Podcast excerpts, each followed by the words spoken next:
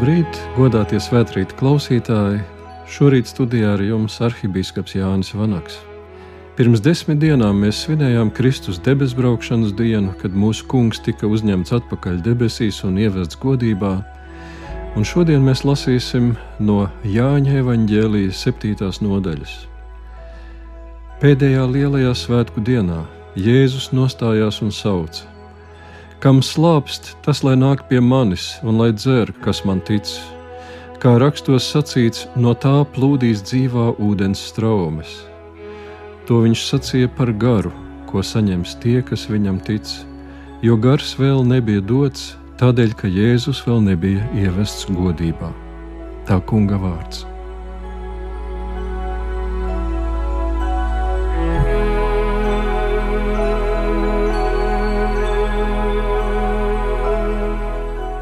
Imantam Ziedonim ir dzējolis. Drīz upēm skaidru ledu acīs liks, kad gulbi aizlaižas, tad trešā dienā sniks. Bet grūtākās mums būs šīs dienas trīs, bez gulbiem un bez sniega debesīs. Un tas ir tieši kā par tām desmit dienām baznīcas gadā starp mūsu kunga debesu braukšanu un svētā gara sūtīšanas svētkiem, jeb vasaras svētkiem. Mācekļu acu priekšā Jēzus ir pacelts debesīs un nozudis aiz mākoņa. Viņš solīja, ka sūtīs viņam aizstāvi un mierinātāju svēto garu, kad būs nonācis galā, taču tajās desmit dienās nekāds gars vēl nebija nācis. Kas ar Jēzu notika tur aiz mākoņiem, augstā un naidīgā visumā? Apstuļu pārbaudījums bija grūtās dienas šīs, bez Kristus un bez gara debesīs. Mācekļiem atlika tikai gaidīt. Tas man atgādina niršanu uz vrakiem Baltijas jūrā. Kad esam izbraukuši gumijas laiviņā kādus 20 km no krasta, uz visām pusēm līdz apvārsmim ir tikai viļņi. Cauri ūdens virsmai redzēt neko nevar, tikai eholota pīkstiens stāsta, ka tur lejā guļ Nordmarks, Brēmene vai Beverīna. Un tā vienkārši ielekt ūdenī un nirt nedrīkst, jo straume var tevi aiznest tālu prom, un tad uznirstot, tu būsi tik tālu no laivas, ka tevi starp viļņiem var arī neatrast.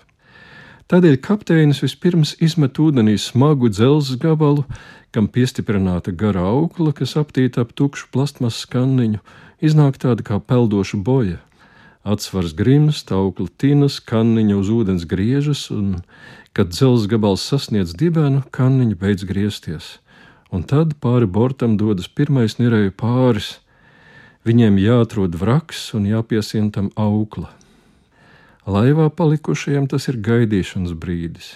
Nes kā viņiem tur lejā iet, taču tad boju sāk raustīt kā makšķeres pludiņu, un tas ir signāls, viss kārtībā, viņiem ir izdevies, vraks ir atrasts, un mēs varam droši doties dzelmē. Mums ir vadaukla, kas ļaus droši nogrimt un droši arī pacelties atpakaļ tajā vietā, kur ir laiva un dzīvība. Pēc devis braukšanas dienas mācekļiem tāpat vajadzēja gaidīt, vai Jēzum izdosies, vai varbūt viņu tur jau ir ķēris kāds meteorīts vai iesūcis melnais caurums, bet tad nāk signāls, bojas aukla tiek paraustīta, pareizāk sakot, atskan rūkoņa un gars kā liesmu mēlis nolaižas pār apstuļiem. Ja viņi būtu nirēji, viņi iesauktos: Yes! Jēzum ir izdevies, viņš ir nonācis galā un sēdies pie Dieva tēva labās rokas. Cik labi! Tas nozīmē, ka viss, ko viņš teica, ir taisnība. Mēs varam viņam sekot, mums ir iezīmēts ceļš, mums ir aukla, kurai sekojot, varēsim, jā, vispirms nogrimt dziļumos, mēs kļūsim vecāki, slimāki un beidzot apgulsimies kapā, tāpat kā Jēzus taču sekojot viņam, izdarīsim to pareizi, un pēc tam varēsim pacelties tur, kur ir viņš, kur ir debesis un kur ir mūžīgā dzīvība. Nirēji uz vrakiem bieži dodas no liepājas karostas. Kad ir jāatgriežas krastā, pēcpusdienas saule atspīd tieši karostas baznīcas zeltītajos kupolos, tie mirdz pie apvāršņa kā spoža dzirksteli. Kompass nav vajadzīgs, Atliek tikai kuģot turp, kur mirdz baznīcas torņi un atradīs mājas. Tas ir ļoti skaisti un simboliski. Tieši tādai jābūt baznīcai. Vasaras svētkus sauc par baznīcas dzimšanas dienu. Tas tādēļ, ka baznīca apvieno tādus cilvēkus, kādi radās tikai vasaras svētku rezultātā. Tie ir cilvēki, kuriem ir dots svētais gars. Reklāmās reizēm dzird vārdu ekskluzīvs, ekskluzīvi dzīvokļi, ekskluzīvi automobīļi, ekskluzīvas mēbeles, apģērbs, pat ekskluzīvi dzērieni. Ikdienas valodā liekas to lietot tādā pašā nozīmē kā ļoti labs vai izcils, taču īstenībā šis vārds ir cēlies no latīņu vārda ekskludere - izslēgt, atstāt ārpusē. Ekskluzīvas preces ir tās, kuras parasts cilvēks nevar dabūt, jo tās ir pārāk dārgas vai pārāk grūti atrodamas. Droši vien mūsu vidū nebūs daudz to, kas var atļauties iegādāties kaut ko ekskluzīvu. Ja nu kāds to uzdāvina, tad gan. Jēzus mums ir uzdāvinājis kaut ko burtiskā nozīmē ekskluzīvu, kaut ko izslēdzošu, kaut ko tādu, kas citus atstāja ārpusē. Viņš ir uzdāvinājis svēto garu, jeb kā sacīts Jāņa evanģēlijā, patiesības garu, ko pasaule nevar saņemt, jo tā to nedz redz, nedz pazīst, bet jūs to pazīstat, jo tas pie jums paliek un būs jūsos. Kad vecajā derībā Dievs savai tautai tūkstnesī deva mannu no debesīm, tā parādījās un bija uzlasāma tikai Izraēla apmetnē, neaiz tās robežām. Tāpat jaunajā derībā svētais gars ir saņemams tikai baznīcā. Pasauli to nevar dabūt, jo neredz un nepazīst. Tā ir ekskluzīva dāvana. Vai esat ievērojuši, ka vasaras svētkiem nav tādu jaunpagānisku līdzinieku, kādi ir Ziemassvētkiem un Lieldienām? Ziemassvētkos pasaule velk bluķi, Lieldienās ripina olas, bet vasaras svētkos vasaras svētki ir baznīcas svētki varētu pat teikt, ekskluzīvi svētki, baznīcas dzimšanas diena. Jo vasaras svētku dienā svētais gars nāca pār apstuļiem ar šņākoņu, kā ar stipru vēja brāzmu un it kā ar uguns mēlēm, un piepildīja apstuļu draugu, sakausējot viņus vienā svētā un apustuliskā Kristus baznīcā. Mūsu dienās tas pats gars tiek dāvināts varbūt ne tik dramatiski ar rūkoņu un ugunsmēlēm, bet skaistā un dziļi nozīmīgā rituālā svētās kristības sakramentā. Kas to saņem, tas to piepildīts Kristus baznīcai un kā zars uzpotēts īstajā vīna kokā. Kopš kristības brīža jūs esat svētā gara nēsātāji. Tas kaut ko pasaka par baznīcas būtību. Kas ir galvenais baznīcas uzdevums? Darīt cilvēkus svētus. Kas ir visrunājošākais baznīcas piemērs, kas visautentiskāk demonstrē baznīcas būtību? Arhibīskapi, mācītāji, teoloģijas doktori, draugu priekšnieki vai padomus locekļi? Nē, bet svētie. Jo viņi ir tie, kuros svētais gars ir nesis īpaši bagātus un skaistus augļus. Viņi mirdz kā kupoli pie apvāršņa un rāda citiem ceļu. Es kopš savas kristības ar vienu pieaugu svētdzīvē? Ja nē, tad es joprojām izniekoju pārāk daudz laika. Bībelē ir trīs simboli, kas attēlo svēto garu - ūdens, uguns un vējš. Katram no tiem var būt negatīva pieskaņa, jo gan ūdens, gan uguns, gan vējš ir bīstams. Tāpat svētais gars ir bīstams. Ūdens ir bīstams, un cilvēki reizēm bažīgi spriež, kas notiktu, ja sabruktu kāds no Daugavas spēkstaciju aizsprostiem. Ne tikai šajā pavasarī, bet katru gadu augšu Daugavas novadu iedzīvotāji ar bažām gaida, vai likteņa upe neizies no krastiem. Plūdi spēja nodarīt milzu postījumus. Uguns ir bīstama. Ne tikai Austrālijā, Kalifornijā vai Sibīrijā mūsu pašu kūlas ugunsgrēki ir gana bīstami Pirms dažiem gadiem blakus mazirbas mācītāja mūžai nodega māja. Pavisam saskrējām daudz ļaužu, taču pret rūcošo uguns spēku neko nespējām padarīt. Vējš ir bīstams. Es vēl atceros rītu Liepājā pēc 67. gada lielās vētras, kad devos uz skolu, rāpjoties pāri un zem izgāztiem kokiem un norautu jumtu gabaliem, salauztas pludmales ģērbtuves būdiņas mētājās pilsētas centrā un tas pat vēl nebija kāds no lielajiem orkāniem, kas noposta visu savā ceļā. Lūk, ar ko Bībelē ir salīdzināts svētais gars. Viņš ir nikns un bīstams. Viņš nāk piemeklēt visu, kas pretojas dievam. Dieva mīlestība nav nekāda siltā migliņa, tā šķīsti un attīra. Kādas lietas tā arī notriec zemē, nodauza nost un izmet laukā. Notiek, ka baznīca nonāk krustugunīs nevis tādēļ, ka apliecina Kristu, ko pasauli ienīst, bet savu locekļu un kalpotāju vainas dēļ.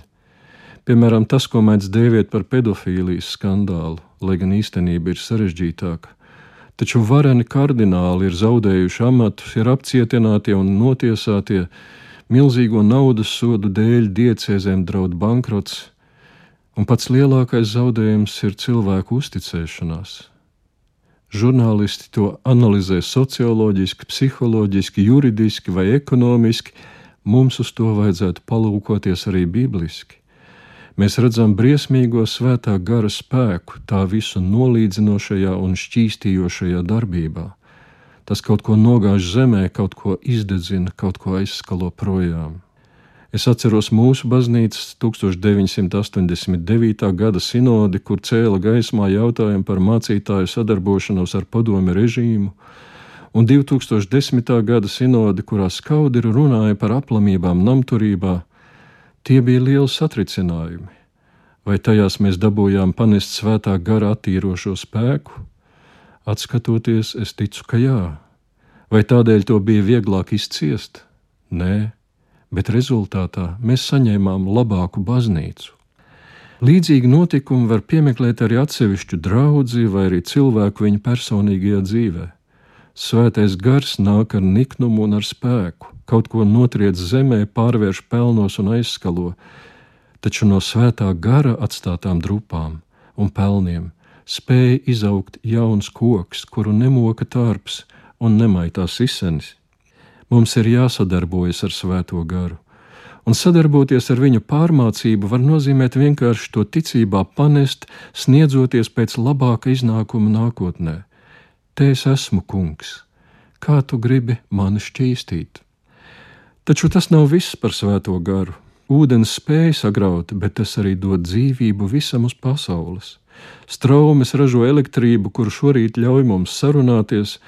Uguns ir spējīga iznīcināt, bet tā ir pamatā daudzām mūsdienu tehnoloģijām. Es atbraucu uz radio studiju ar uguni iekšdedzes dzinējā. Vējš patiešām spēj sagraut, taču tā spēks arī ceļ un paaugstina. Ja jums ir gadījies lidot lidmašīnā, šo milzīgo mašīnu debesīs paceļ gaisa plūsma, jeb vējš. Kā viens ūdens ļauj uzplaukt visdažādākajiem augiem, tā viens gars dod dzīvību visām garīgās dzīves formām. Kā viens vējš paceļ gaisā tūkstošiem lidmašīnu, tā svētais gars paceļ dažādas kalpošanas baznīcā un draudzē. Kā uguns dod jaudu visiem pasaules iekšdedzes dzinējiem, Tā svētais gars dod spēku un karstumu visam labajam, kas vien baznīcā notiek un virzās uz priekšu. Pat ticība nav mūsu pūles un veikums, bet svētā gara dāvana. Pāvils 1. vēstulē korintiešiem 12. nodaļā saka, ir dažādas dāvanas, bet tas pats gars, ir dažādas kalpošanas, bet tas pats kungs, ir dažādas spēka izpausmes, bet tas pats Dievs, kas visu visā rosina. Svētais gars baznīcā un cilvēka dzīvē darbojas veidojoši un ceļoši. Mēs ticam uz kungu svēto garu, kas dzīvu dara. Sadarboties ar gara ceļošo darbību nozīmētu vaicāt: Te es esmu kungs, kādu tu gribi mani veidot, kas ir mans uzdevums, kurp tu mani aicini, kā tava gara vējš mani ceļ augšup, kā tava gara ūdens mani atdzīvina tavā darbā kā tava gara uguns man izgaismo un dod enerģiju. Te es esmu kungs. Es gribu būt daļa no risinājuma, nevis daļa no problēmas. Baznīca dzima svētajam garam nākot pār apstuļiem. Baznīca ir jābūt apustuliskai. Ko tas nozīmē? Grieķu vārds apostelēna nozīmē sūtīt, piemēram, kā vēstuli. Apstuļi ir vēstule, ko augšām celtais un godībā ievestais Jēzus sūta pasaulē, un mēs varam iztēloties, kā viņa pēc svētā gara saņemšanas iznāca no augšstabas. Tas varēja būt tāpat kā dzīvība izspurdza un izlauzās no noās šķirsta, lai piepildītu zemi. Arī apstuļi gribēja visai pasaulē pastāstīt un parādīt, kāds un kas ir Jēzus Kristus. Baznīca ir apustuliska tādēļ, ka mēs, katrs kristītājs, esam apstuļu pēctecis. Katrs no mums ir sūtīts kā Jēzus vēstule. Pēc dievkalpojuma mums visiem vajadzētu izspurkt no baznīcas kā apstuļiem no augšstabas, kā dzīvībai no noas šķirsta, nesot dzīvības vēsti savai pilsētai un pasaulē. Ja apstājamies, tad neīstenojam savu apustulisko dabu ir viena lūkšana, kas vienmēr darbojas, vai esi jauns vai vecs, bagāts vai nabaks, vesels vai slims, un lai kur tu būtu. Nāc, svētais gars! Visus mazos soļus mēs varam veikt, pieminot svēto garu un pastāvīgi piesaucot viņa palīdzību. Un gara auglis ir mīlestība, prieks, miers, izturība, krietnums, labestība, uzticamība, lēnprātība, savaldība. Iekšējās pārmaiņas, pēc kurām ilgojamies, spēja atnest tikai Dieva gars, kas mīt un darbojas mūsos, kad viņam to lūdzam un ļaujam.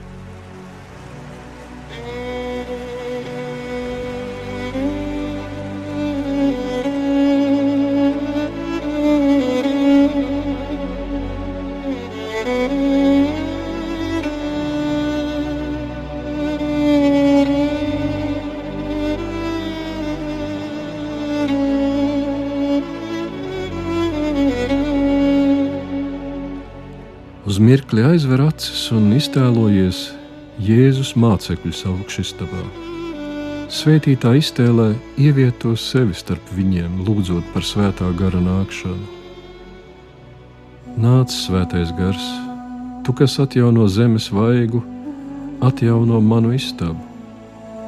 Tu, kas atjauno savu ļaužu sirdis, atjauno mani un tad iztēlojies svēto garu nākam pār viņiem un pār tevi. Kā tas liek tev justies, kā veido, uz ko iedvesmo? Priecīgs vasaras svētks jums! Daudz laimes dzimšanas dienā, baznīcas dzimšanas dienā, un lai Dievs jūs svētī! Āmen!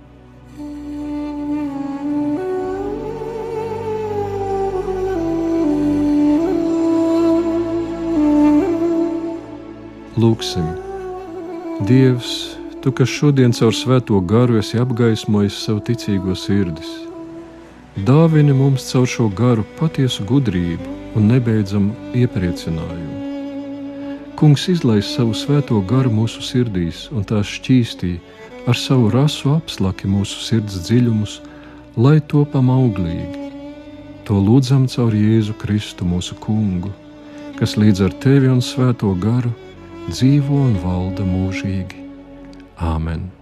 Svētrīt studijā ar jums bija arhīvīskaps Jānis Vanaks.